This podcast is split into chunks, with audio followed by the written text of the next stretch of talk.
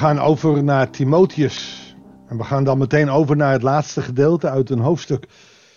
Als je nog kan herinneren van vorige week, is in de brief van Timotheus, hoofdstuk 4, uh, veel verteld over hoe de gemeente uh, nadrukkelijk geleid moet worden.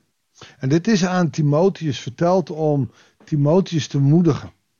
En vandaag doet hij dat ook met een tekst die voor mij altijd heel bijzonder is geweest. Ik kan inmiddels al niet meer zeggen dat ik de leeftijd van een jongere heb. Maar ik was nog relatief jong toen ik theologie studeerde en dacht van ja, hoe moet ik nou ooit gaan preken? Hoe moet ik nou ooit? En deze tekst is voor mij ontzettend belangrijk geweest. Laten we hem gewoon maar gaan luisteren in een viertal versen, vijftal versen die we vandaag gaan lezen. Goedendag, hartelijk welkom bij een nieuwe uitzending van het Bijbels Dagboek. We lezen uit 1 Timotheus, hoofdstuk 4, de versen 11 tot en met 16. En eigenlijk is dit de samenvatting van alles wat hij in hoofdstuk 3 en 4 gezegd heeft. En dan zegt hij aan Timotheus specifiek een aantal versen. Draag dit alles over in je onderricht. Sta niemand toe dat hij vanwege je jeugdige leeftijd op je neerkijkt. Maar wees voor de gelovigen voorbeeld in wat je zegt in je levenswijze, in liefde, geloof en zuiverheid. Nou, allereerst dat, je jeugdige leeftijd. Voor de ouderen onder ons, in de oudere vertaling stond het, laat je niet gering schatten op je jongelingschap. Iets Griekser, maar uh, het is hetzelfde. Leeftijd is van geen belang. Tenzij je houdt aan de Bijbelse waarheden. Het vervelende is een klein beetje dat als je daarnaast wat breder gaat doen, zoals ik bijvoorbeeld ook het pastoraat ga doen, ja, dan is jeugd nog wel eens lastig. Want in veel van dat soort gevallen heb je ook je levenservaring.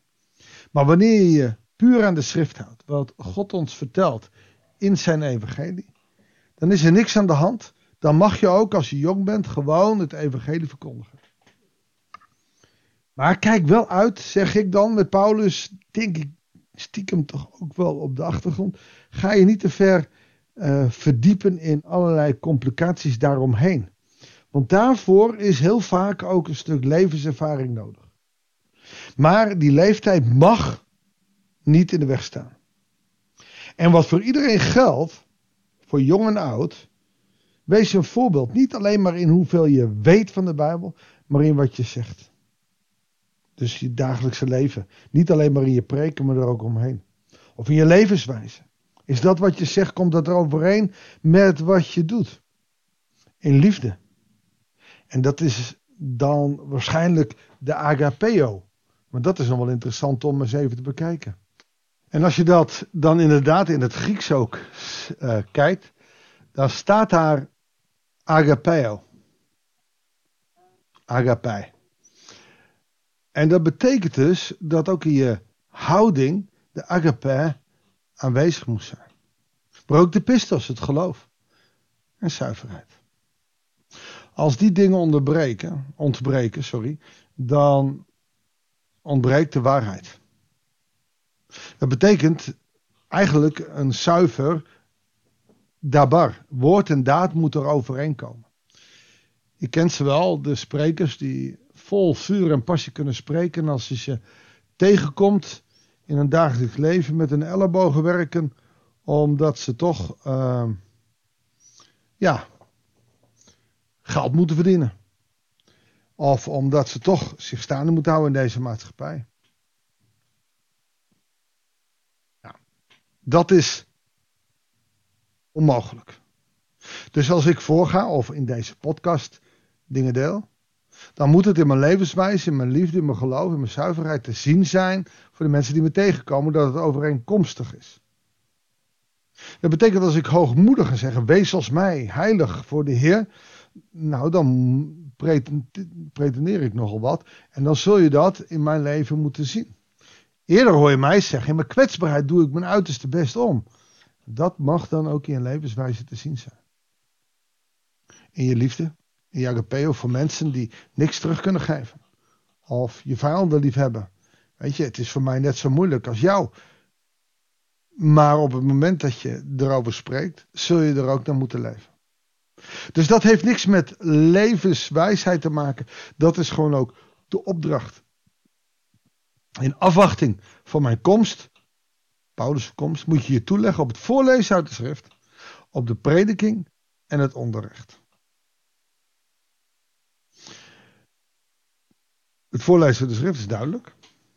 De prediking ook. Maar ook het onderricht is de verdiepende bijbelstudies die je geeft naar aanleiding van de teksten. Dat betekent dat Timotheus dat moet doen en die is in de leer geweest bij Paulus. Dus ga het maar zelf doen. Je bent jong, maar doe het maar. Studeer de Bijbel, lees de Bijbel, leef de Bijbel. En hoe zou je dat dan doen? Veronachtzaam de genade die je geschonken is niet. Je dankt daar aan de profetische woorden die de raad van de oudste over jou onder handoplegging heeft uitgesproken. Een vraag van mij wel eens, hey, ja, als je nou ouderlingen bevestigt of diakenen, ja, dat is een mooi moment, maar is dat echt nodig?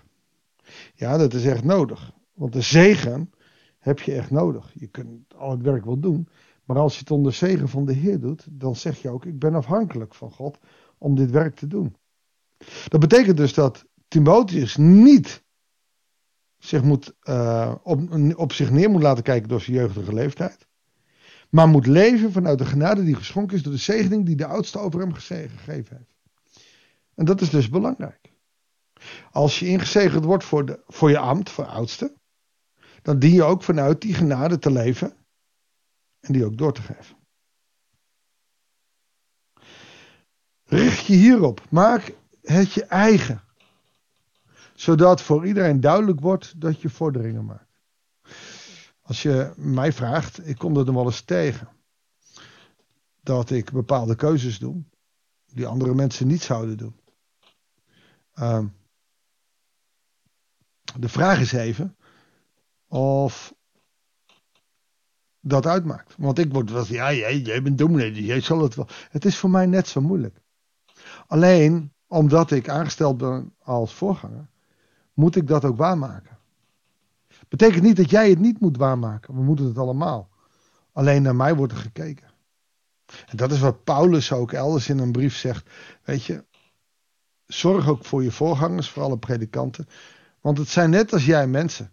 Alleen ze hebben in hun status iets meer verplichtingen. En niet alleen maar rechten, zeker niet rechten, verplichtingen.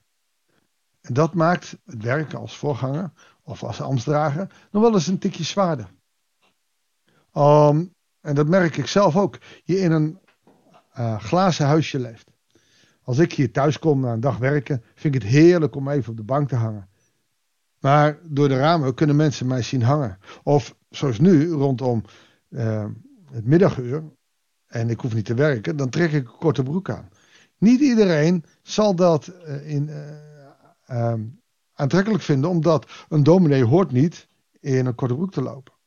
Dan heb ik de lak aan, maar daarmee zie je al wel dat je een glazen huisje woont. Het gebeurt me ook echt. Ik, uh, één keer in de twee weken haal ik 700 eieren. En die verkopen wij weer voor de zending. We houden daar niks aan over. Dat gaat allemaal naar de zendeling, de winst. Maar toen men wist wat ik hier deed, toen was het al heel gauw. Nou, deze man die uh, heeft er een, uh, een handeltje op na. Zwart werken. Zo zit je in een glazen huisje. Dus als je oudste bent, ouderling, diaken of bekend iemand uit de gemeente, dan wordt er op je gelet. En dat moet Timotheus ook bedenken. Je mag dan wel jong zijn, maar er wordt naar je gekeken. Maar hou je aan de regels, namelijk je levenswijze, liefde, geloven en zuiverheid. Die moeten staan. Neem je nacht. Hou je aan de leer en blijf dat doen. Dan red je zowel jezelf als hen die naar je luisteren.